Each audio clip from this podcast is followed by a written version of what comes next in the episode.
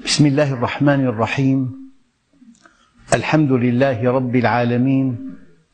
والصلاة والسلام على سيدنا محمد وعلى آل بيته الطيبين الطاهرين وعلى صحابته الغر الميامين أمناء دعوته وقادة ألويته.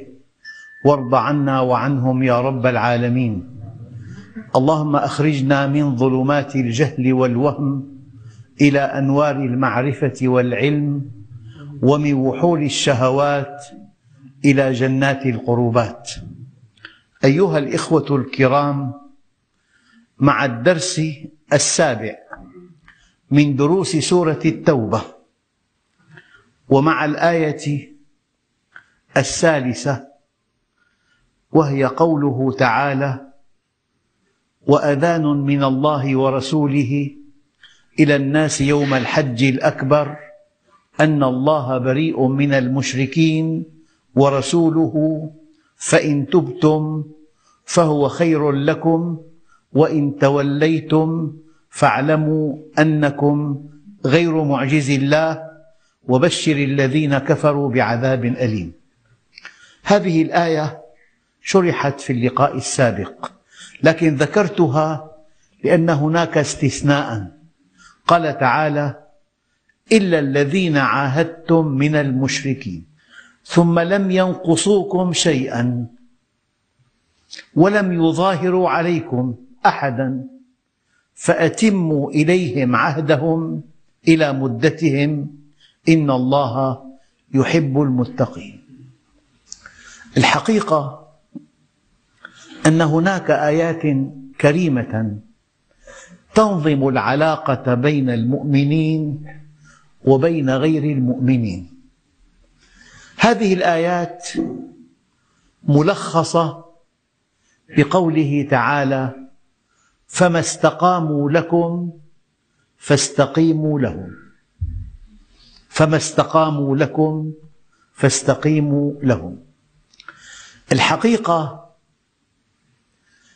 أن الدعوة إلى الله تتذبذب بين أن تكون أقدس عمل على الإطلاق يرقى إلى صنعة الأنبياء وبين أن تكون أتفه عمل على الإطلاق لا يستأهل إلا ابتسامة ساخرة.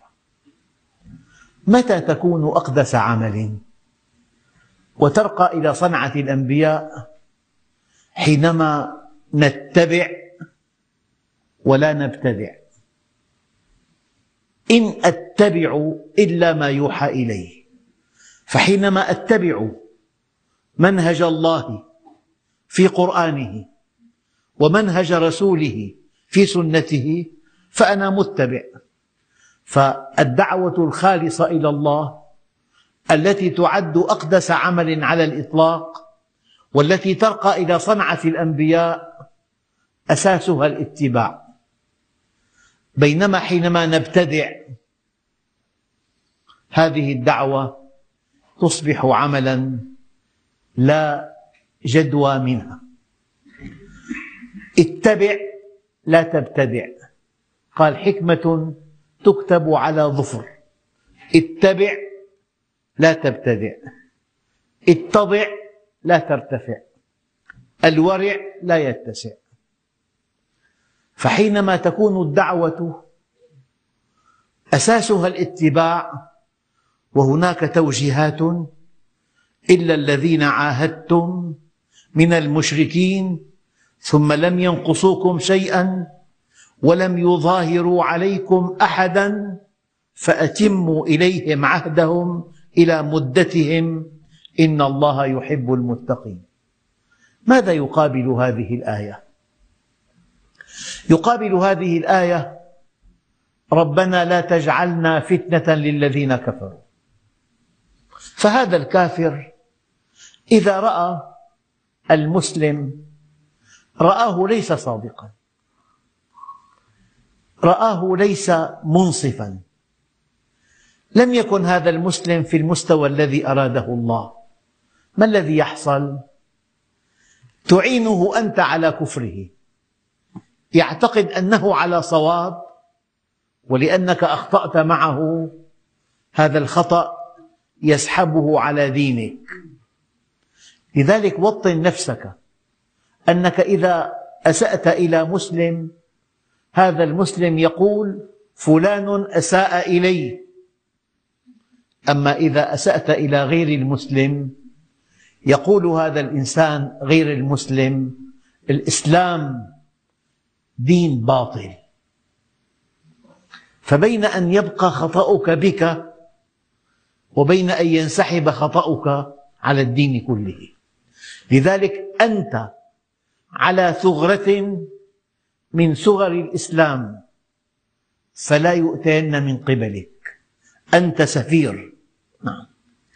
هؤلاء المشركون الذين كانوا أمناء على العهد وكانوا أوفياء ولم ينقصوا منه شيئا لم يصدوا لكم تجارة ولم يستولوا على أغنام ولم يسرقوا أسلحتكم ولم يغروا بكم أحدا ولم يظاهروا عليكم أحدا.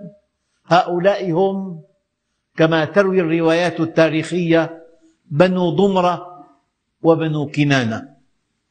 هؤلاء لم يؤذوا المسلمين إطلاقا وكانوا أوفياء بعهودهم ومواثيقهم. هؤلاء جاء الأمر الإلهي بأن يستمر العهد معهم إلى مدته.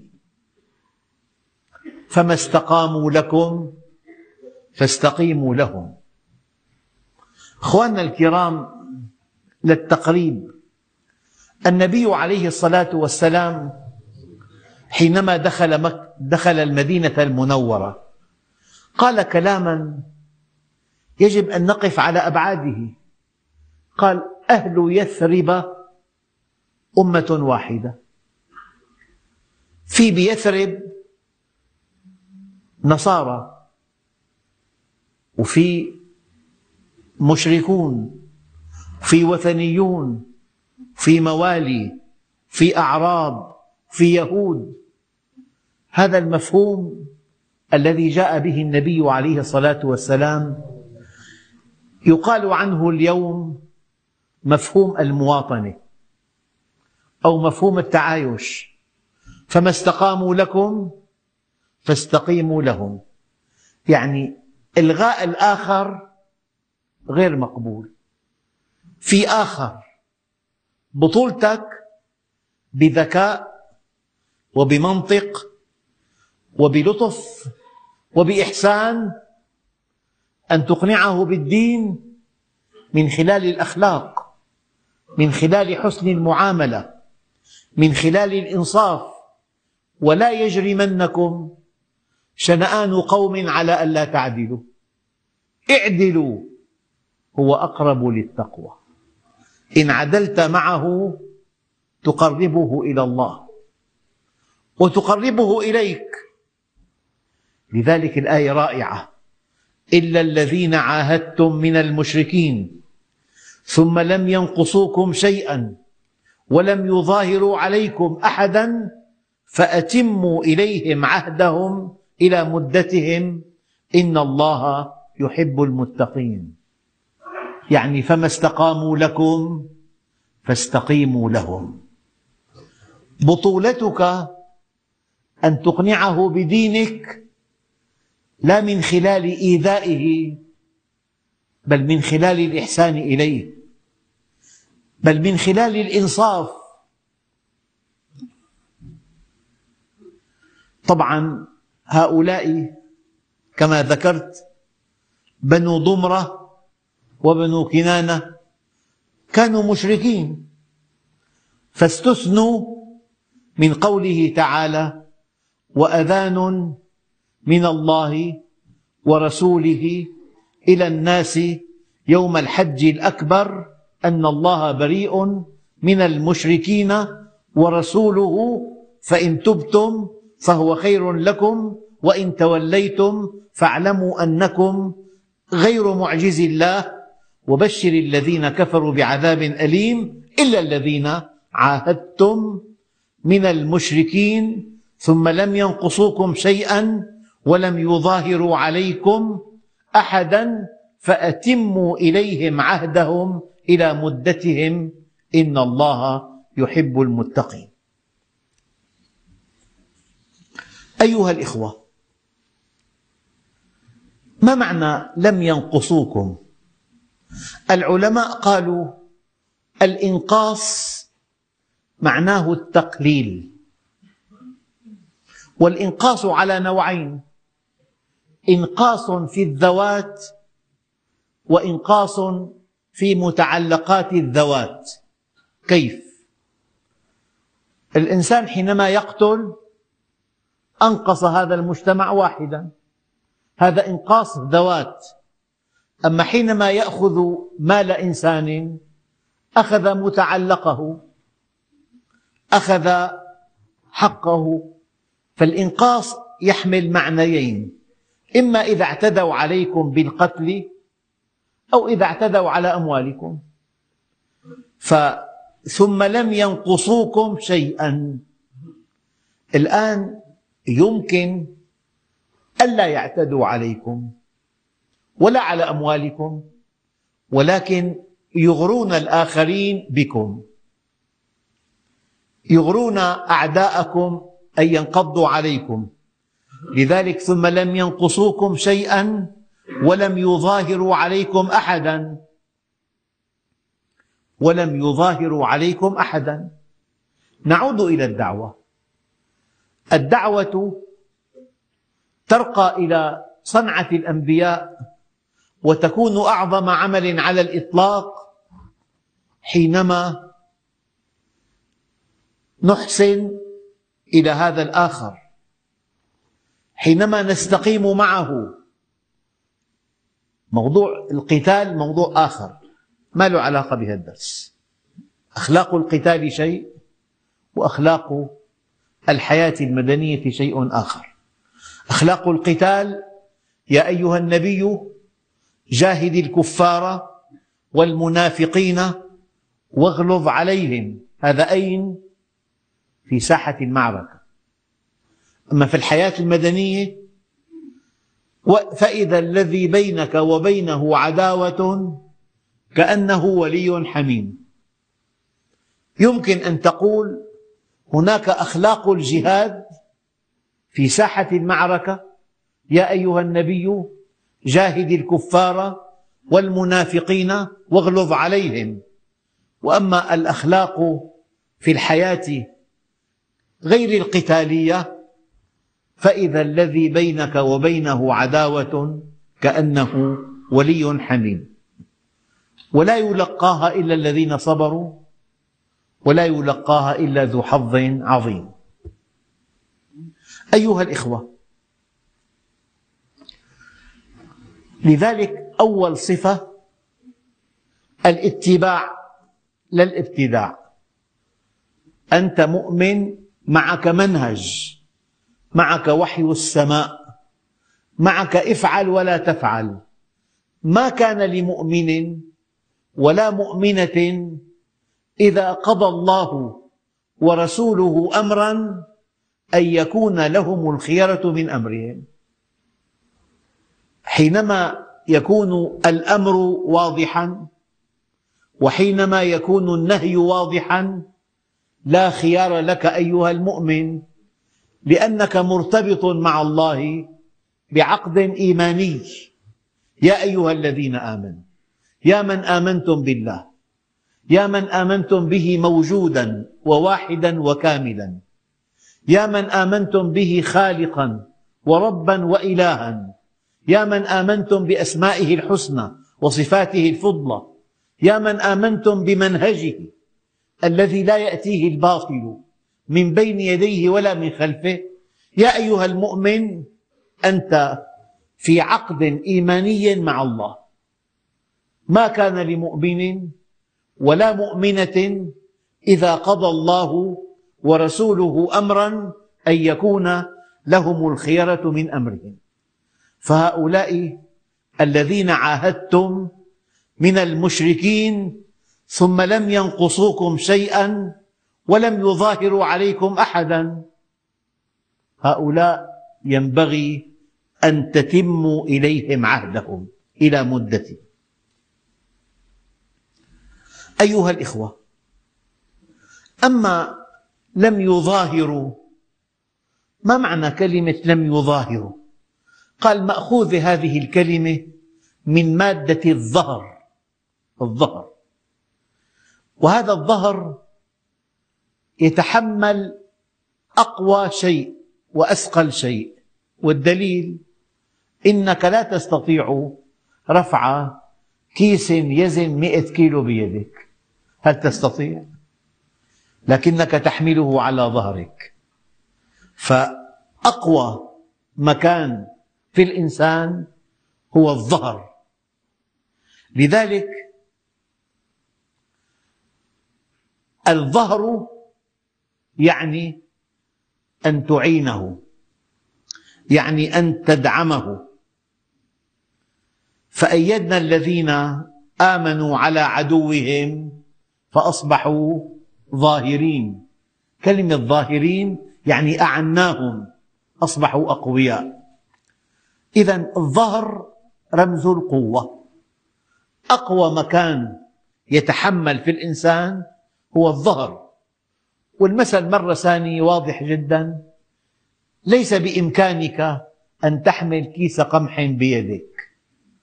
لكن هذا الكيس الذي يزن مئة كيلو تضعه على ظهرك. وهناك صناديق حديدية الآن تزن ثلاثمئة كيلوغرام. هؤلاء الذين أمدهم الله بقوة منه يحملون هذا الصندوق على ظهرهم ويصعدون به الدرج. فالظهر مكان القوة أو أقوى مكان في الإنسان. لذلك النبي عليه الصلاة والسلام حينما قص الله علينا نبأ في حياته الداخلية قال تعالى إن تتوبا إلى الله فقد صغت قلوبكما وإن تظاهرا عليه فإن الله هو مولاه وجبريل وصالح المؤمنين والملائكة بعد ذلك ظهير. لكن هناك ملمح في هذه الآية لطيف. يعني امرأة امرأتان أو زوجتان من زوجات النبي عليه الصلاة والسلام ظاهرتا عليه. الرد الإلهي فإن الله هو مولاه. وجبريل وصالح المؤمنين والملائكة بعد ذلك ظهير. ألا يتساءل أحدنا؟ يعني للتقريب. أنه مواطن انتقد بلد. هل يعقل من أجل مواطن أو مواطنين أن تستنفر القوى البرية والبحرية والجوية؟ مو معقول. طيب ماذا تعني الآية؟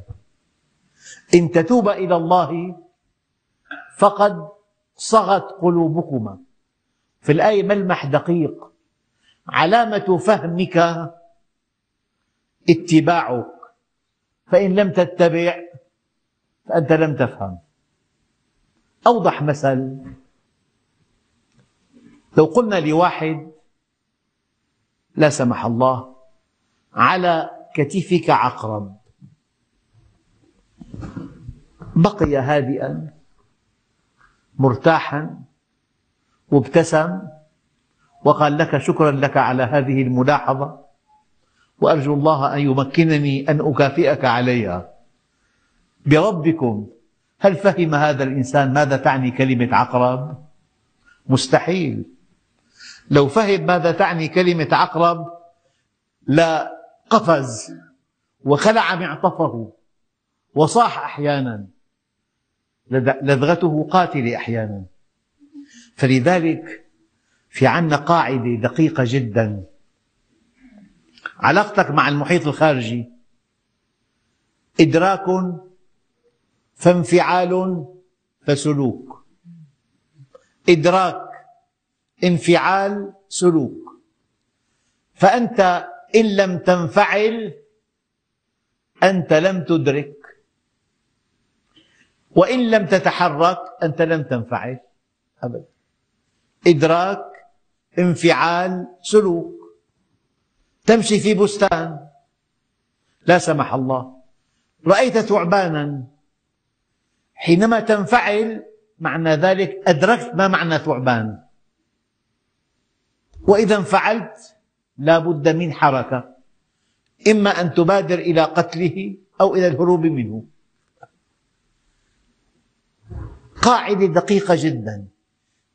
يصح الإدراك إذا تبعه انفعال ويصح الانفعال إذا تبعه حركة. فإذا واحد ما انفعل ولا تحرك معنى ذلك لم يصغ إلى كتاب الله. الملمح دقيق؟ إن تتوبا إلى الله فقد صغت قلوبكما. وإن تظاهرا عليه فإن الله هو مولاه. وجبريل وصالح المؤمنين والملائكة بعد ذلك ظهير. ماذا تعني هذه الآية؟ يعني لا سمح الله ولا قدر. إذا كان الإنسان في خندق معاد للحق ينبغي أن يعلم من هو الله؟ حياتك بيده. الشريان التاجي بيده. شرايين الدماغ بيده. الخسرة بيده. الورم الخبيث بيده. تشمع الكبد بيده. الفشل الكلوي بيده. العاهة الدائمة بيده. الفقر المدقع بيده. أن تفقد حريتك بيده. أنت في قبضته. أنت في قبضته. فلذلك كلما ازداد إيمانك يزداد اعتصامك بالله عز وجل. أيها الإخوة الظهير هو المعين. فلان شددت به ظهري يعني أعانني. ظهر فلان على فلان أي تفوق عليه. على ظهره أو أي استولى على أقوى شيء عنده. الآن في سورة الكهف آية دقيقة. قال تعالى حتى إذا بلغ بين السدين وجد من دونهما قوما لا يكادون يفقهون قولا. قلنا يا ذا القرنين إن يأجوج ومأجوج مفسدون في الأرض فهل نجعل لك خرجا على أن تجعل بيننا وبينهم سدا؟ قال ما مكني فيه ربي خير فأعينوني بقوة أجعل بينكم وبينهم ردمة. يعني أعينوني. الشاهد أعينوني. الحقيقة أن السد ينبغي أن يتخلله مكان ترابي بمعنى أن هذا المكان الترابي يتلقى الصدمات. أنت حينما تضع شيئا قابل للكسر حوله إسفنج ما مهمة هذا الإسفنج؟ تلقي الصدمات فالمنطقة المرنة لها دور كبير. لذلك أعينوني بقوة. وفي استنباط آخر أن القوة تعني أن هذا القوي يجب أن يعين الضعفاء وأن يجبرهم على أن يعملوا معه ليتعلموا. هذا الكلام يعني لما إنسان تعطيه مساعدة من دون عمل يألف البطالة يألف النوم إلى الظهر يرتاح. أما حينما تكلفه بعمل يعني فرص العمل أفضل ألف مرة من إعطاء صدقة. أنت حينما تعين إنسان بمبلغ من المال دون أن يقدم لك عملا فارتاح. جهد صفر دخل يكفي.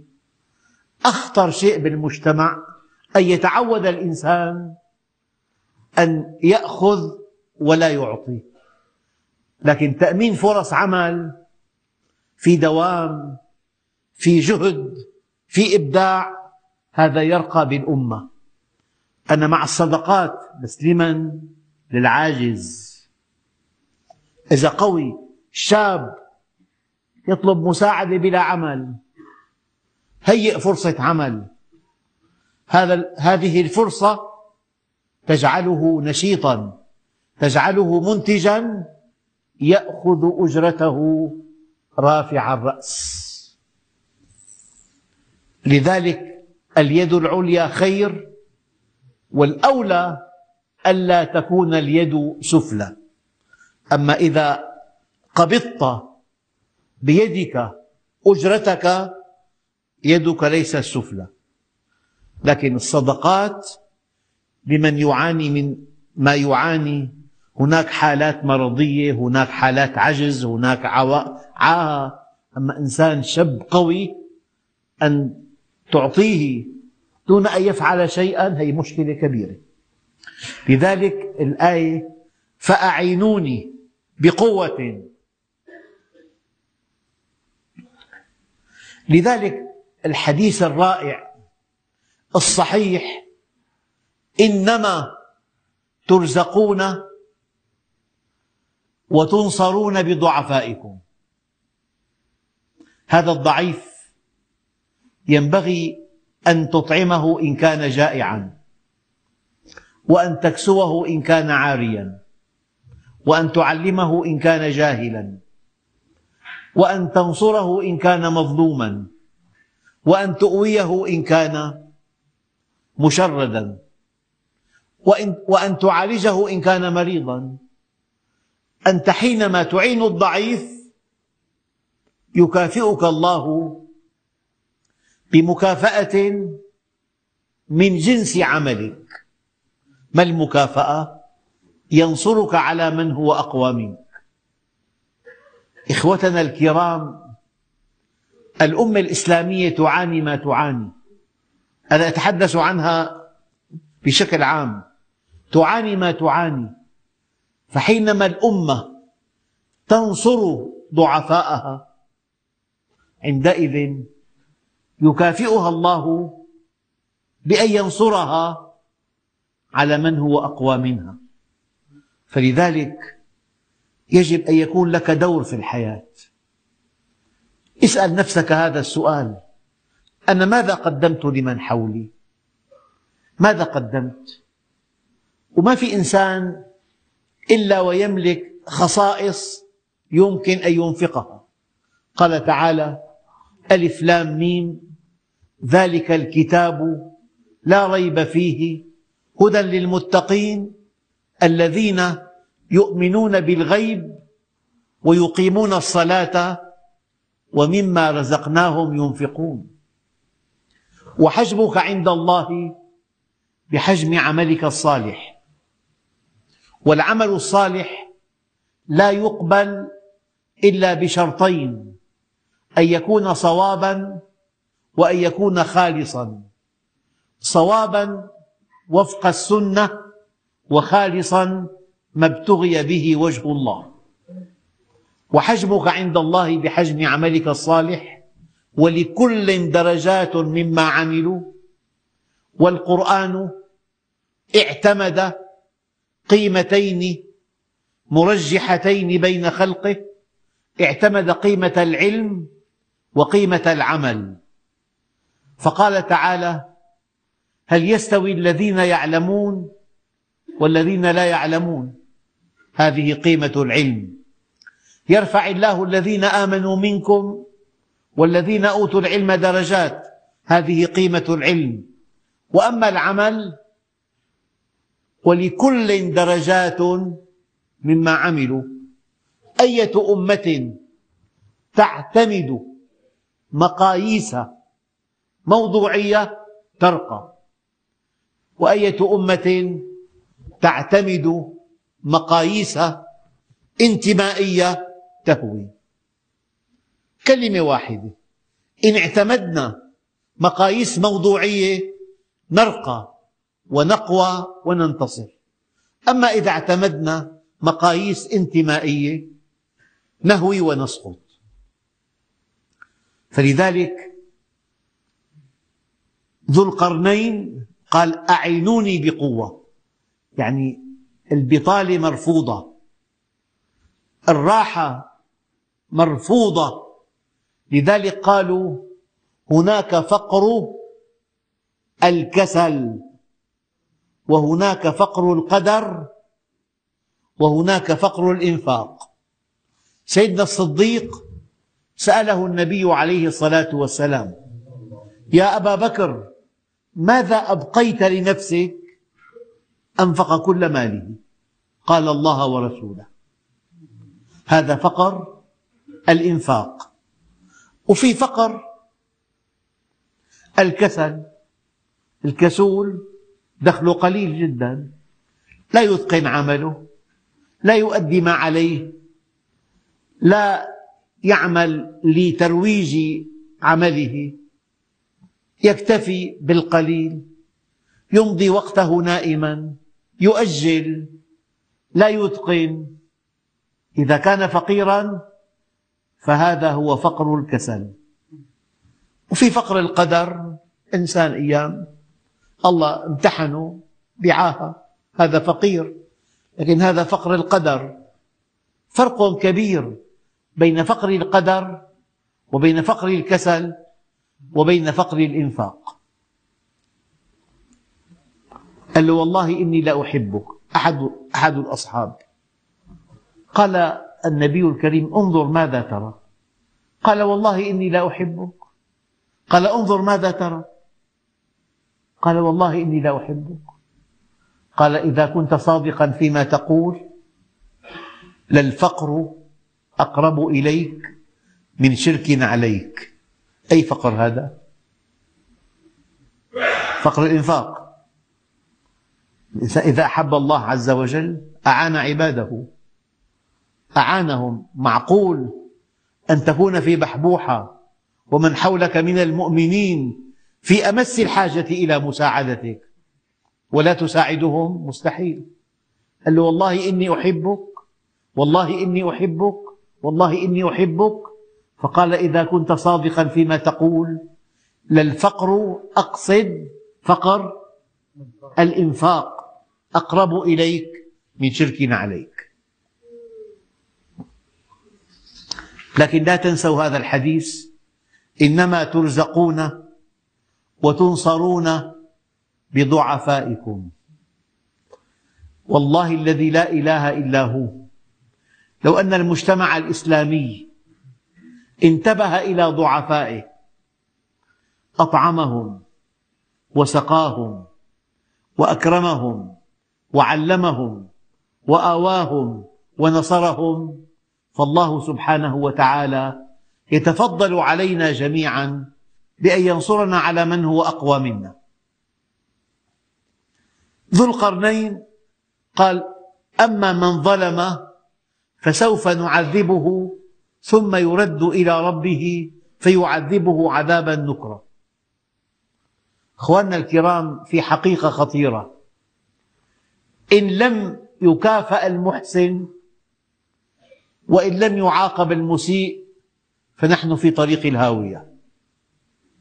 إن لم يكافأ المحسن ويعاقب المسيء نحن في طريق الهاوية. مثل بسيط. أنت معلم. عندك خمسون طالب أعطيتهم وظيفة. بعض الطلاب كتبوا الوظيفة واستغرقت معهم ساعتين أو ثلاثة وتعبوا بها كثيرا. وفي اليوم التالي لم تشاهد الوظائف. فاستوى عندك من جهد طوال الليل في كتابة الوظيفة ومن أهمل هذا الأمر. في اليوم الثالث أعطي وظيفة لا أحد يكتبها. كلام دقيق. إن لم يكافأ المحسن إن لم يعاقب المسيء فهناك مشكلة. فإذا كنت معلما أو كنت أبا أو كنت قيما على عشرة يجب أن يكافأ المحسن وأن يعاقب المسيء. لذلك قال أما من ظلم فسوف نعذبه. ثم يرد إلى ربه فيعذبه عذابا نكرا. وأما من آمن وعمل صالحا فله جزاء الحسنى وسنقول له من أمرنا يسرا. أي مبدأ. يحتاجه الأب تحتاجه الأم يحتاجه المعلم يحتاجه أي صاحب منصب قيادي. أيها الإخوة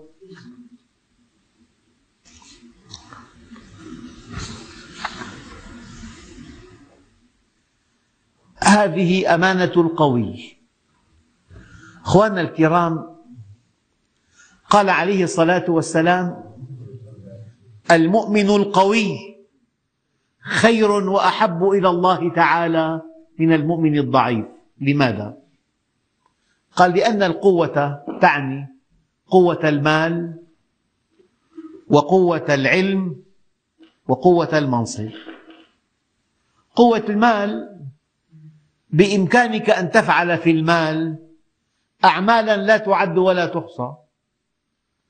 يعني مشاريع معاهد مستشفيات مستوصفات تزويج الشباب. والله في طرق إلى الخالق بعدد أنفاس الخلائق. الطرائق إلى الخالق بعدد أنفاس الخلائق. وأنا أتصور أن الله جل جلاله ما جعل الغني غنيا إلا ليصل بغناه إلى أعلى درجات الجنة حينما ينفق ماله في سبل الخير. والقوة الثانية قوة العلم الذين يبلغون رسالات الله ويخشونه ولا يخشون أحدا إلا الله. هي قوة ثانية.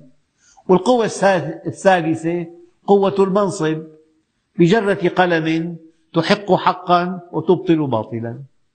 تقر معروفا وتزيل منكرا بتوقيع. فقوة العلم وقوة المال وقوة المنصب. لذلك إذا كان طريق القوة سالكا وفق منهج الله ينبغي أن تكون قويا. إذا كان طريق القوة سالكا وفق منهج الله ينبغي أن تكون قويا. أما إذا كان طريق القوة على حساب مبادئك وقيمك فالضعف وسام شرف لك.